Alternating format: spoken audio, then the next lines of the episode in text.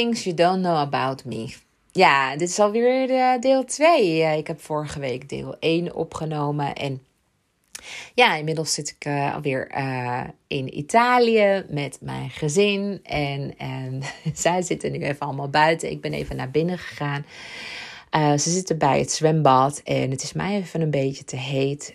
we zijn gisteren aangekomen en nou ja, nadat we alle spullen hadden uitgeladen, toen uh, ja, is eigenlijk iedereen gewoon zo zijn eigen weg opgegaan. En uh, ja, het is natuurlijk weekend, dus het is ook even fijn om niks te hoeven te doen.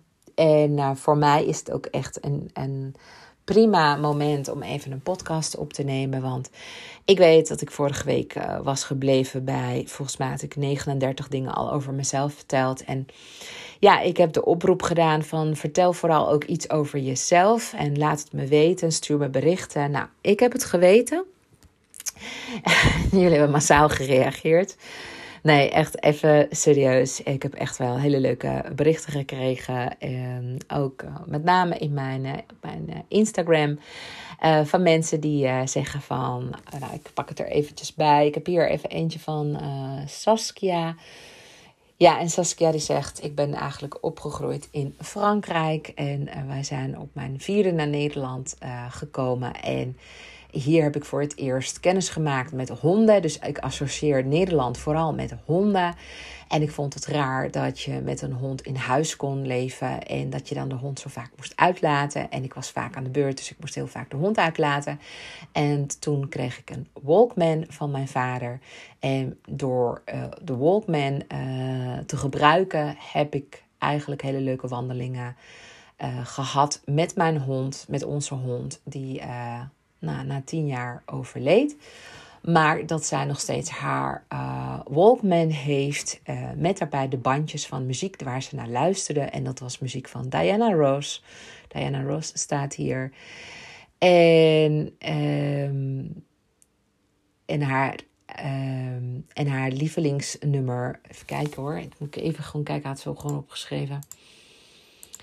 Uh, van Whitney Houston is I Wanna Dance With Somebody. Nou, dacht ik, wat leuk toch? Dit vind ik nou echt van die, van die leuke verhalen. Ik bedoel, dan, dan, dat, dat geeft. Ik heb meteen een beeld bij haar of zo. Ik voel meteen een soort van. Oh, zo is er ernaar gekeken. En ja, het schept op de een of andere manier wel een band om zo dingen met elkaar te delen. Dus ja, ik heb nog wel veel meer verhalen voor je. Um, nou, laat ik eens uh, vertellen wat ik heb gedaan toen ik eigenlijk mijn eerste geld wilde gaan verdienen. Ik had al in mijn vorige podcast verteld dat ik heel, heel goed was als callcenter agent. Daar heb ik ook echt een fortuin mee verdiend. Ik werkte drie dagen in de week, uh, drie avonden. En daar deed ik, nou, dus deed ik shifts van 2,5 uur tot 4 uur. En uh, nou ja, als je dan je target haalde, dan uh, kreeg je een bonus. En als je nog meer dan je target haalde, dan uh, kreeg je daar veel meer voor. En op de een of andere manier lukte mij dat gewoon ruimschoots. Dus ik had een heel leuk inkomen naast mijn uitwonende beurs waar ik recht op had. En ja, ik had eigenlijk best wel een, een chill studentenleven op die manier. Maar ja, ik ben ook natuurlijk schroevers gaan doen, direct secretaresse. En ik vond het eigenlijk best wel gek dat uh, iedereen nou, moest stage gaan lopen als uh, secretaresse. En uh, iedereen ging zich aanmelden bij een bedrijf. En ik dacht er alleen heel anders over. Ik dacht, ja, ik ga toch niet bij een bedrijf gratis werken. Ik ga me gewoon aanmelden bij het uitzendbureau.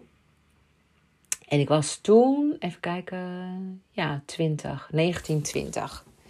Ik heb me toen aangemeld bij het uitzendbureau en uh, ja, bij Randstad. En toen zei ik, ja, ik ben er eentje van schroevers. En ik moet voor mijn laatste, ja, voor mijn laatste twee maanden moet ik gewoon stage lopen. En uh, ik wil gewoon daar een betaalde stage van hebben. Nou, dat vonden ze bij, daar bij de Randstad natuurlijk een eh, prima idee. Want ze hadden nou, voldoende vacatures en weinig aanbod in die tijd. En dat is volgens mij nu nog steeds zo. Ik bedoel, nog steeds zijn uh, dames van schroevers uh, erg gewild. Maar goed, ik ben dus uh, ja, naar een bedrijf toe gegaan die mij heeft betaald voor mijn diensten. En de directeur van schroevers die vond dat zo'n geniale set. Die heeft mij vervolgens weer gebruikt als voorbeeld voor hun, hun opleidingsmagazine. van zo kan het ook. Je kunt ook kansen grijpen. Dus je moet wel stage lopen, maar of je laat betalen of niet, dat is aan jou. En ik stond daarbij met een, uh, met een interview hoe ik dat had aangepakt. Nou ik vond het eigenlijk wel best wel grappig, want uh, die magazine van Schroevers heb ik nog steeds ergens in een doos liggen. En ik denk, ach, het is leuk voor het nageslacht. Maar ik dacht, dit is ook wel weer eigenlijk best wel heel inspirerend. Want het zegt ook eigenlijk over mijn ondernemersgeest toen al. Ik wist toen al, ik moet gewoon voor mezelf zorgen. En waarom zou ik gratis gaan werken als het toch ook wel uh, toegevoegde waarde heeft? En het hoeft misschien niet de hoofdprijs te zijn, maar hey, ik ben daar toch 40 uur in de week aan het werken, twee maanden lang. Dus daar kunnen ze best wel even wat voor, uh, voor betalen. Nou. Dan uh, wat anders. Want ik weet niet wat, of jij weet wat jij later wilde worden. Maar ik dacht echt, serieus, dat heb ik echt jarenlang gedacht. Ik dacht, ik ga advocaat worden. Want mijn vader die zat echt tot, ja, over zijn oren in de problemen. Die had altijd zakelijke problemen. Nou, Ibiza is ook een beetje natuurlijk een corrupt, uh, ja, corrupt eiland, zeker in de jaren tachtig. Mijn vader die uh, klaagde ook altijd over nou, allerlei toestanden die er waren. Weer wetten die weer werden veranderd. Of dat hij werd onteigend van grond.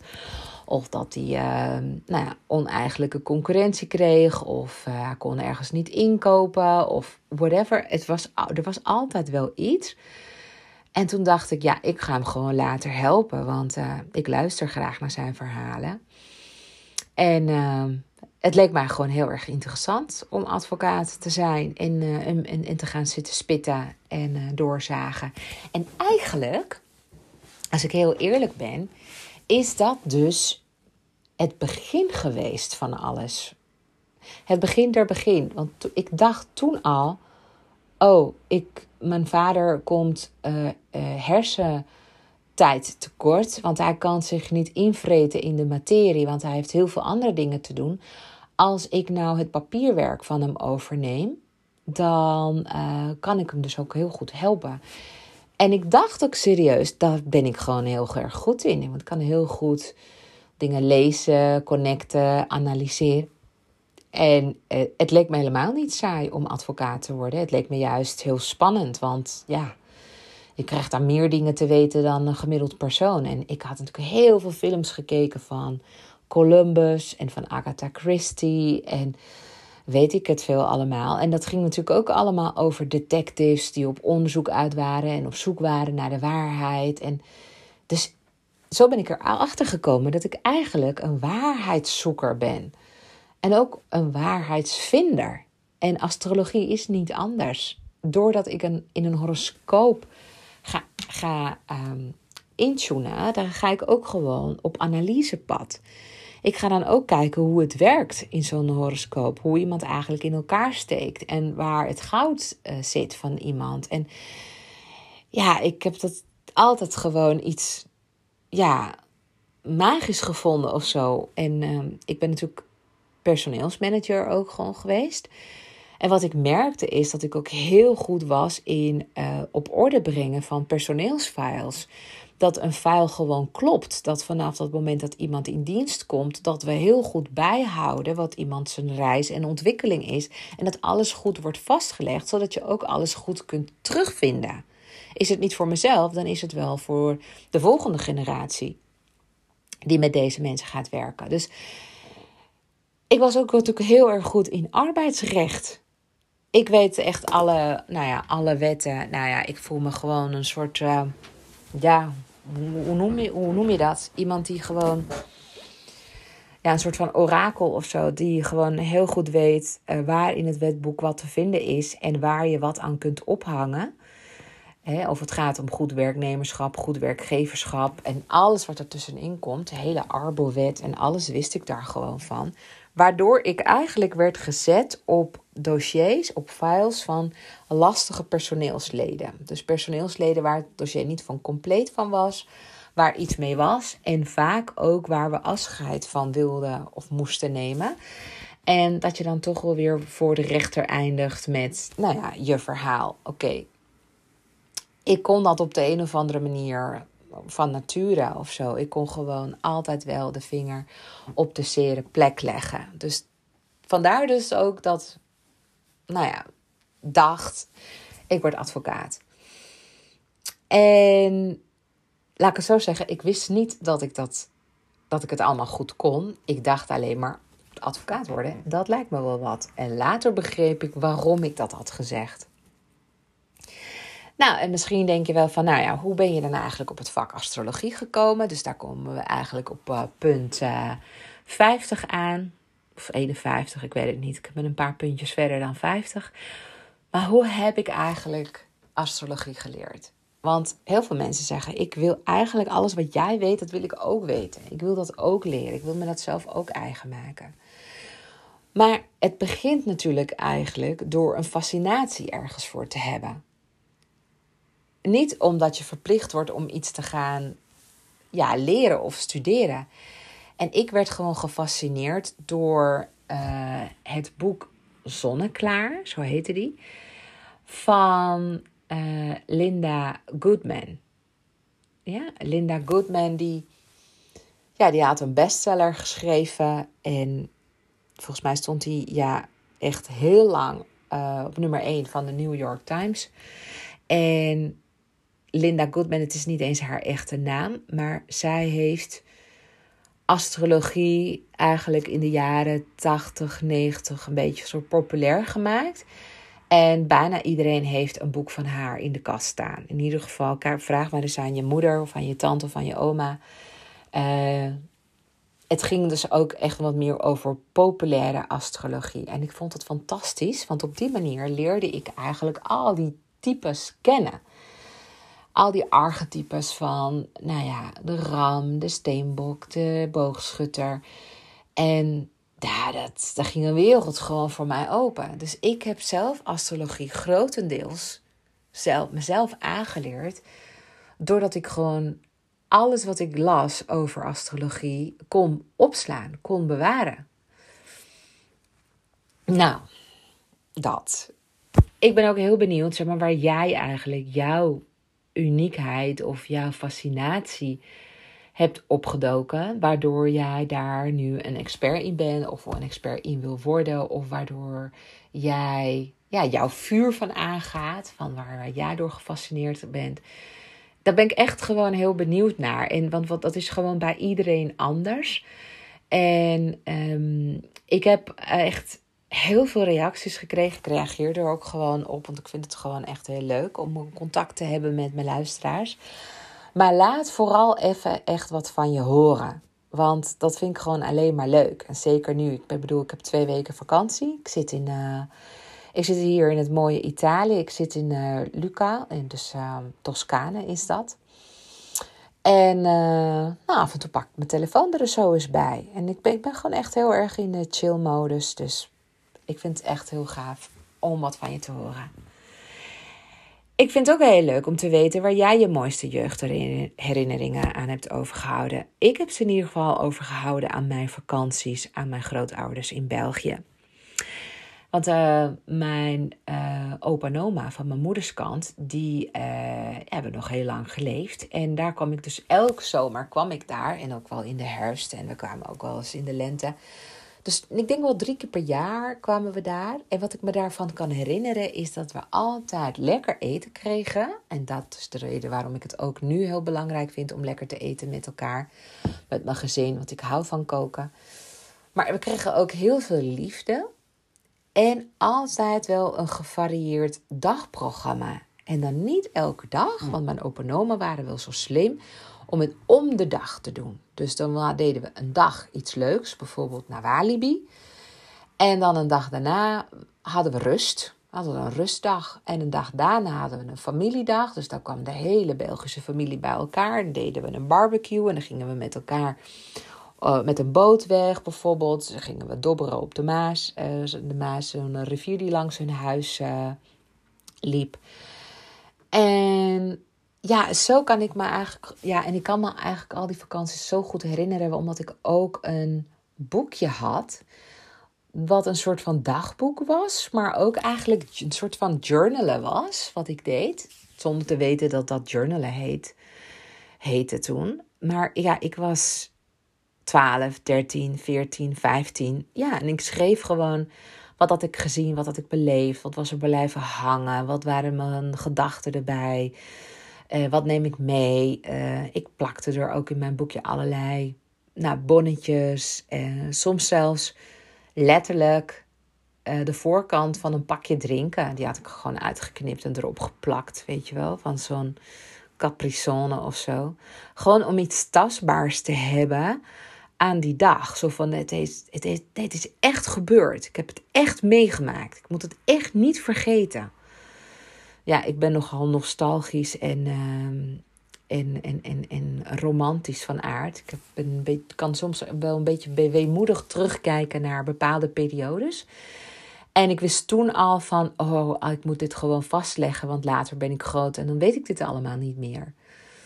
Nou, dat. Dus ik weet niet wat jij er allemaal nog van hebt herinnerd. Misschien heb je ook wel dagboeken bijgehouden. Of misschien wel poëziealbums die je ook wel doen denken aan de tijd uh, toen je wat jonger was.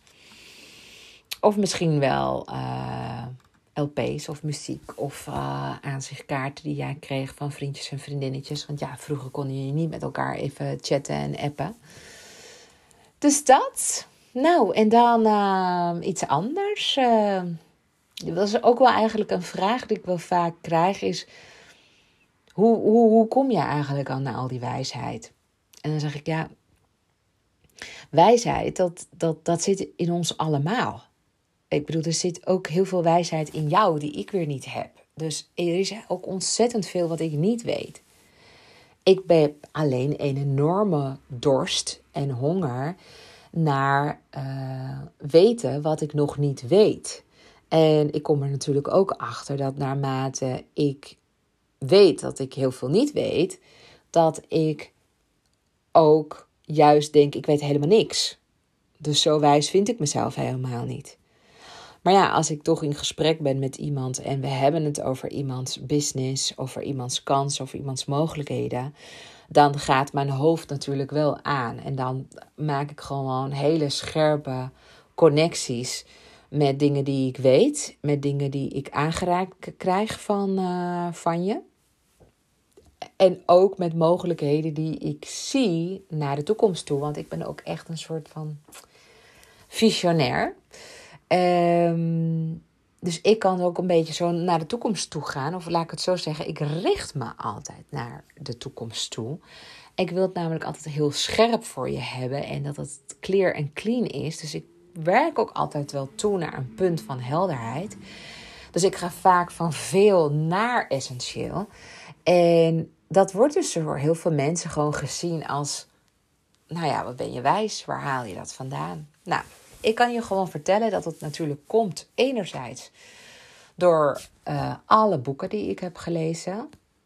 Maar er zit iets ook natuurlijk iets van een oude ziel in mij of zo. Van. Uh, alsof ik met iets ook op de wereld ben gekomen. Iets wat, ja, ik eigenlijk al op een jonge leeftijd kon ik me al heel erg goed verplaatsen en dingen voorstellen die ik nog nooit eerder had meegemaakt. En toch had ik daar begrip voor. Dus dat is ook iets zeg maar, waar je mee op de wereld komt. En ik geloof ook dat alle spirituele ondernemers dit hebben. Ehm, dat ze meer weten en niet zo heel goed weten waar ze dat hebben opgepikt maar dat in hun onbewuste echt heel erg veel waardevolle wijsheid zit. Maar dat het ook fijn is om iets of iemand te hebben die je begeleidt of helpt of de mogelijkheid biedt om al die wijsheid uit je te halen en die dan ook weer te gebruiken en in te zetten om weer andere mensen te helpen. En dat zie ik dan weer als mijn missie. Dat vind ik dan weer heel erg leuk. Dus wijsheid uit jou halen, zodat jij weer dat weer kunt doorgeven aan anderen. Maar ja, als je het dan toch heel graag wil weten. Ik heb mij eigenlijk altijd wel gevoed met dingen die waar waren voor mij. Dus ik kan, laat ik het zo zeggen, ik kan niet naar grappige series kijken, zoals Friends of zo. Ja, één, twee of drie afleveringen. Maar ik kan niet uh, ja, films of do, docus kijken of ding. Nee, met name dus films. En boeken lezen ehm, waar een ander ja, heel veel inspiratie en, en, en amusement uithaalt. Dat heb ik niet. Ik heb altijd wel een soort van managementboeken, leerboeken, spirituele boeken, persoonlijke groeiboeken. Ze hebben altijd iets te maken met hoe kom je nog dichter bij je waarheid? Hoe kom je nog dichter bij zelfkennis? Hoe kun je nog meer uh, groeien? Hoe, uh, dus ja, ik las gewoon boeken als. En ik was echt 18, 19 en dan las ik boeken als De Celestijnse Belofte. Bijvoorbeeld. Um, en natuurlijk de boeken, zoals The Secret. Dat, ja, dat, zijn, dat zijn de boeken zeg maar, die voor mij veel logischer lijken om te kopen. En dan wat dacht je dan van mijn boekenkast? Die puilt uit van allerlei ja, eh, astrologische boeken. Alle meest exotische astrologische boeken die er bestaan. Want ik ben, ja, nadat ik in Nederland zo'n beetje alles had uh, gekocht, ben ik ook gewoon uh, buitenlandse titels gaan kopen die me nog meer kunnen inspireren, waar ik nog meer uit kan halen. Want ik ben gewoon iemand die doorspit, iemand die doorgraaft, iemand die de essentie naar boven wil halen, de waarheid wil vinden. En ja, daar heb ik me mee laten inspireren. Dat zijn ook de podcasts dan, zeg maar, waar ik naar, luister. Of de, de er zijn ook heel veel... Um, ik heb niet, niet, zoveel tijd meer om boeken te lezen. Maar wat ik wel doe, zijn uh, naar boeken luisteren. Dus um, ja, ik heb een abonnement op zo'n uh, zo'n app, volgens mij uh, Storytel. En dan, ja, dan ga ik gewoon al die boeken die ik interessant vind, waar ik wat van kan leren. Ik moet altijd iets leren. Mijn brein moet altijd iets leren. Ik ontspan door iets te leren. Ik heb een brain snack gewoon nodig. En ja, ik bewaar dat. Ik gooi niks weg. Mijn brein onthoudt het en gebruikt het weer als kapstok om nog meer nog meer kennis uh, op te doen. En vroeger, en dat is dan waarschijnlijk ook wel um, de reden waarom ik zo, nou ja, zo geïnteresseerd ben of zo goed ben, of ik weet niet hoe je het wil noemen, maar waarom ik human interest zo interessant vind en waarom ik me altijd verdiep in mensen. Dat zat er al vroeg in. Ik keek vroeger namelijk naar alle afleveringen van Oprah Winfrey. Allemaal. Ik heb, ze, ik heb daar denk ik geen één over geslagen. Alles wat er te zien was, nam ik tot me. En daardoor kwam ik ook in aanraking met allerlei levensthema's. En ook thema's waar taboe op rust. Zoals uh, nou, huishoudelijk. Uh, of huiselijk misbruik, uh, seksueel misbruik, adoptie, verslavingen, Ehm, nou, gewoon eigenlijk een beetje de schaduwkanten van het leven, die waar mensen dan toch wel mee te maken kregen. Ja, ik heb gewoon afleveringen allemaal zitten kijken van Catharine Kuil. Ik weet niet of je haar nog kent, maar zij was echt een favoriet van mij, want ze had haar manier van doen was ook altijd heel persoonlijk. Dus ze was ook altijd wel geraakt door de verhalen. En ze kon het altijd op een hele mooie manier over de bühne brengen. En dat geldt ook wel voor Maya Eksteen. Ze hadden een programma en dat heette uh, Lief en Leed. En nou, daar kon ik gewoon naar kijken. Terwijl het allemaal onderwerpen waren die ver van mijn bedshow waren. Of waar ik nog helemaal niet ja, uh, iets mee kon. Zoals uh, overspel. Of op latere leeftijd erachter komen dat je ouder je ouder niet is. Of incest binnen families. Of nou ja, allemaal allemaal geheimen die ontrafeld worden of waar je dan achter komt en waar je dan mee moet leren omgaan. Uh, en ja, dat soort programma's gaven me alleen maar gewoon een boeiende kijk in de wereld van drama en, uh, en trauma voor mensen. En nou ja, daar voedde ik mij aan. Ik vond dat gewoon heel erg interessant. Tuurlijk, ik heb ook alles gewoon zitten kijken van uh, Jambers. ik heb eigenlijk alle programma's die te maken hebben wel met mensen. Dus uh, vroeger ook uh, Ricky Lake en uh, Dr. Phil. Um, daar heb ik ook allemaal naar gekeken. Dat was dus wat ik interessant vond en de rest boeide me niet. Nou, iets anders wat je niet van mij weet, maar er wel achter komt als je met me omgaat. Of in ieder geval uh, wat mijn familie in ieder geval heel goed van mij heeft onthouden is. Ja, Deborah ging vroeger gewoon niet uit. Dus ja, dat klopt. Ik heb geen wilde uitgangstijd gekend. Ik ging liever een potje Rummy of Monopoly spelen. En alleen toen ik 30 was en toen ik in een scheiding uh, lag, toen heb ik nog wel even geproefd van de uitgangsscene.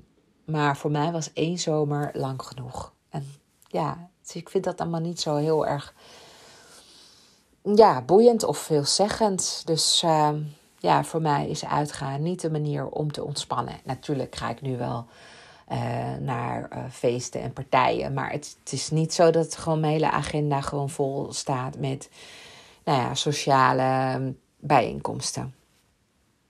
Nou, iets anders wat ik al wel eerder heb gezegd is: ik hou van koken. Daar vind ik ontspanning in.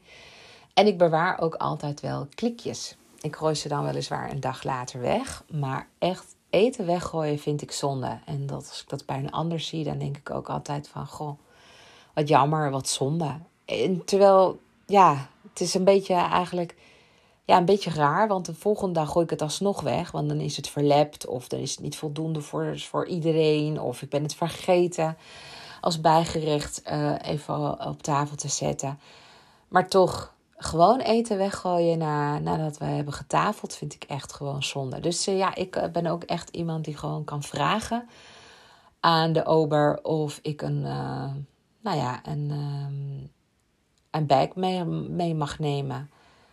En ja, goodie bag wou ik zeggen, maar nou ja, je, je weet vast wel wat ik bedoel. Zo'n zo'n bag met leftovers.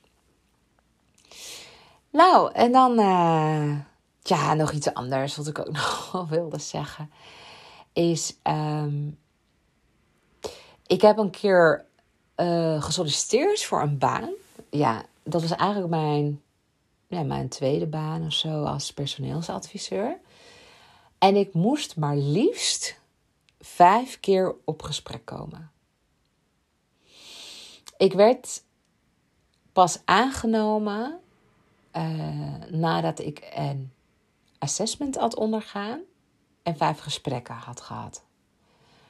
Want in die tijd was het echt ongekend dat iemand van mijn leeftijd in staat was om overwicht te hebben op, uh, leidinggevenden die ja, 50 jaar en ouder zijn. Snap je? Dus dat was best wel een dingetje altijd. En dat was best wel frustrerend natuurlijk voor mij. Van ja, ik moest me constant bewijzen. Dus ik kreeg gesprek na gesprek. Het was toevallig een familiebedrijf. Dus ik mocht eerst bij vader, dan bij zoon, dan bij dochter of andersom. En ehm, dan toch nog bij de financieel directeur. En dan toch nog bij de planmanager nog een keer. Ja, het was ook allemaal. Ze geloofden het allemaal wel. Maar het was toch ook allemaal wel van: goh, hoe kijkt iedereen dan naar mij? En wat is mijn visie op personeelsmanagement? En hoe kan ik ze dan gewoon goed helpen? En dit was dus wel, wel echt wel een dingetje. En misschien kun jij je ook nog wel herinneren hoe het jouw eerste baan aan toe is gegaan. En is het ook allemaal niet gewoon makkelijk gegaan, of juist wel veel heel makkelijk, anders dan bij mij.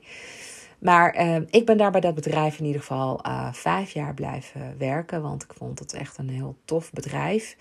Maar um, ik raakte ook zwanger toen ik bij dat bedrijf werkte. En ik vond het fantastisch hoe zij ermee omgingen. Want ik kon daar gewoon blijven werken. En ik kon ook parttime blijven werken. Dus ja, ik heb ook heel veel geleerd van uh, de manier hoe zij naar personeel uh, kijken. En wat zij belangrijk vinden om personeel te laten ontwikkelen. En dat kon ik dus ook heel erg vervlechten met mijn eigen visie dat wat ik als visie had als persoon, maar ook datgene wat ik had geleerd tijdens mijn opleiding. En dan tezamen met hun eigen visie. En nou, het was voor mij heel, heel leerzaam.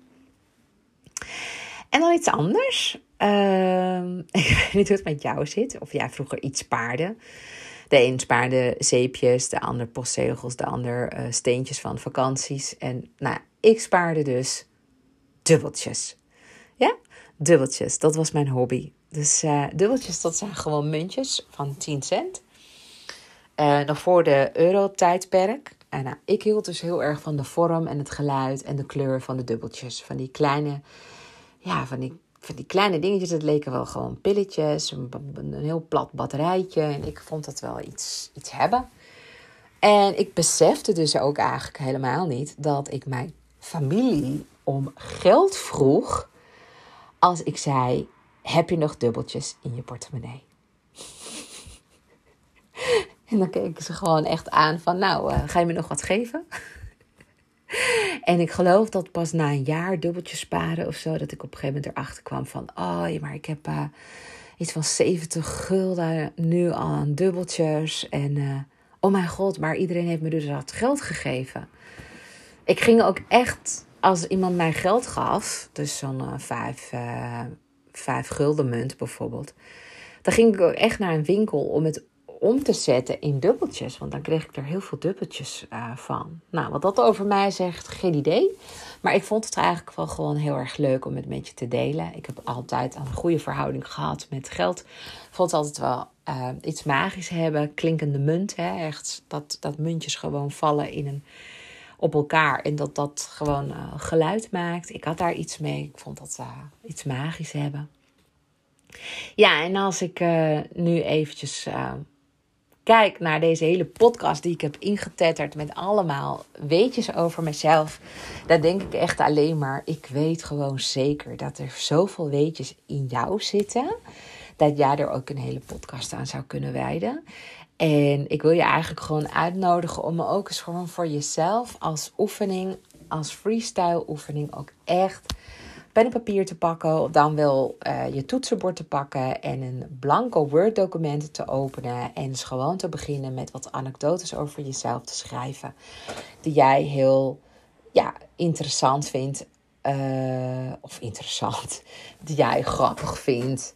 Uh, die jij uh, opmerkelijk vond, of dat het iets over jou zegt. En eigenlijk, als je er dan vervolgens weer naar terug kijkt, hè, als, nou, want ik heb er nu, dus nu twee podcasts hierover opgenomen, wat ik echt zie um, in mezelf en, in de, en hoe ik het heb opgenomen, is nou ja, dat ik uh, nou ja, een soort van een romantische ziel heb ergens. Een soort van, uh, ja, mm, en dan bedoel ik dus ook mijn hele herinneringen die ik koester over mijn vakanties.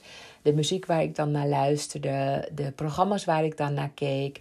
En dat ik ja, heel erg me bezig hield met mm, emoties en wat raakt me. En het andere wat echt als een rode draad door mijn leven loopt, is het uitspitten en doorzagen. Dat zijn echt kwaliteiten van mij die als een rode draad door mijn leven lopen. Dus echt het vermogen om zaken tot op de bodem uit te pluizen. En dan de vasthoudendheid in het achterhalen van de waarheid. En ook de vastberadenheid om problemen op te lossen. Ja, dat drijft mij tot het creëren van een dienst die anderen hierbij weer helpen. Dus vandaar ook dat de school voor bedrijfsalchemisten in het leven is gekomen. En daar help ik je als spirituele ondernemer, als je een kennisondernemer bent, als je een coach, trainer, therapeut bent, iemand bent die gewoon komt omdat je gewoon spiritualiteit net zo belangrijk vindt en essentieel vindt, uh, en het heel graag wil brengen naar het hart van organisaties. Maar je weet alleen nog niet hoe of hoe je dat op de allerbeste manier kunt doen. Omdat je je visie, je doelgroep, je positionering, je aanbod, het allemaal nog niet helder hebt. En je wilt daar meer helderheid over krijgen. Dan is het belangrijk om de stap te maken om eerst eens naar binnen ook te gaan. En de vertaalslag te maken tussen wie jij bent en dat wat je komt brengen. En dat daar kan ik je gewoon uitstekend bij helpen, omdat we die reis maken via astrologie. We kunnen naar de, de, de, het hart van jouw horoscoop gaan en daar hele waardevolle informatie uit halen, die ik gewoon voor je kan vertalen in een business die jou heel veel vervulling en winst gaat opleveren. Ik ben daar van alles voor aan het ontwikkelen binnen de school voor bedrijfsalchemisten. Dus er is daar heel veel kennis in op te halen. Heel veel kennis over jezelf. Over wie je bent, over wat je drijft, over hoe het zit met jouw geld uh, mindset. Wat, uh, nou, ik ik ga daar nogal een podcast of wat aan, aan wijden. Maar mocht jij nu denken, ja, ik vind dit echt heel erg interessant. Ik vind het heel boeiend. Ik wil nu al met je samenwerken.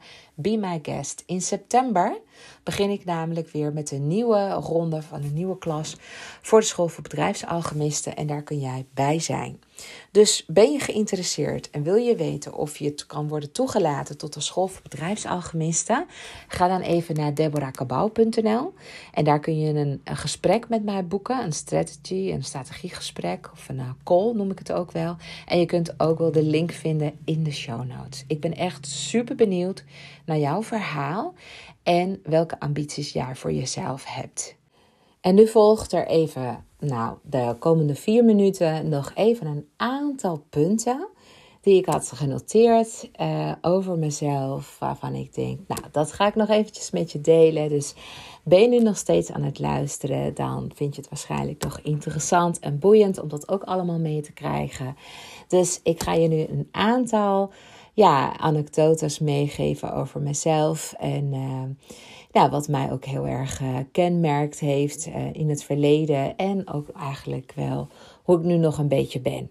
Komen ze. Ik reken nog altijd om in guldens en mis de gouden vijf gulden munt van vroeger. Ik heb een blanke huid en verbrand snel. Daarom gebruik ik sinds mijn 18e bijna dagelijks zonnebrandcrème met factor 50. Ja, zelfs ook in de winter. Ik voel me een oude ziel en door te channelen heb ik toegang tot diverse kennis, ideeën en wijsheid. Sinds mijn zevende kan ik lucide dromen en vliegen in mijn dromen. Ik vlieg meestal over Nederland. Ik heb geen jeugdvrienden, omdat ik zo vaak ben verhuisd. En mijn vrienden zijn altijd een stuk ouder dan ik ben. Mijn beste vriendin is zelfs 16 jaar ouder dan ik. Dankzij mijn jongere zus kreeg ik mijn eerste vriendje. Ze nam me mee naar een open dag van haar scoutingclub. Ik werd op slag verliefd en de relatie duurde maar liefst zeven jaar. Ik leerde mijn huidige partner kennen via een dating-app, nadat ik hem een jaar eerder had afgewezen op een andere dating-app. Op mijn achttiende slaagde ik in één keer voor mijn rijbewijs. Ik kon echter links en rechts niet uit elkaar halen en moest de handgebaren van de examinator volgen. Ik visualiseer voordat ik manifesteer. Ik woon bijvoorbeeld in ons droomhuis, een woonboerderij die we zelf naar onze smaak hebben verbouwd en waar ik in alle rust kan werken en bouwen aan mijn bedrijf.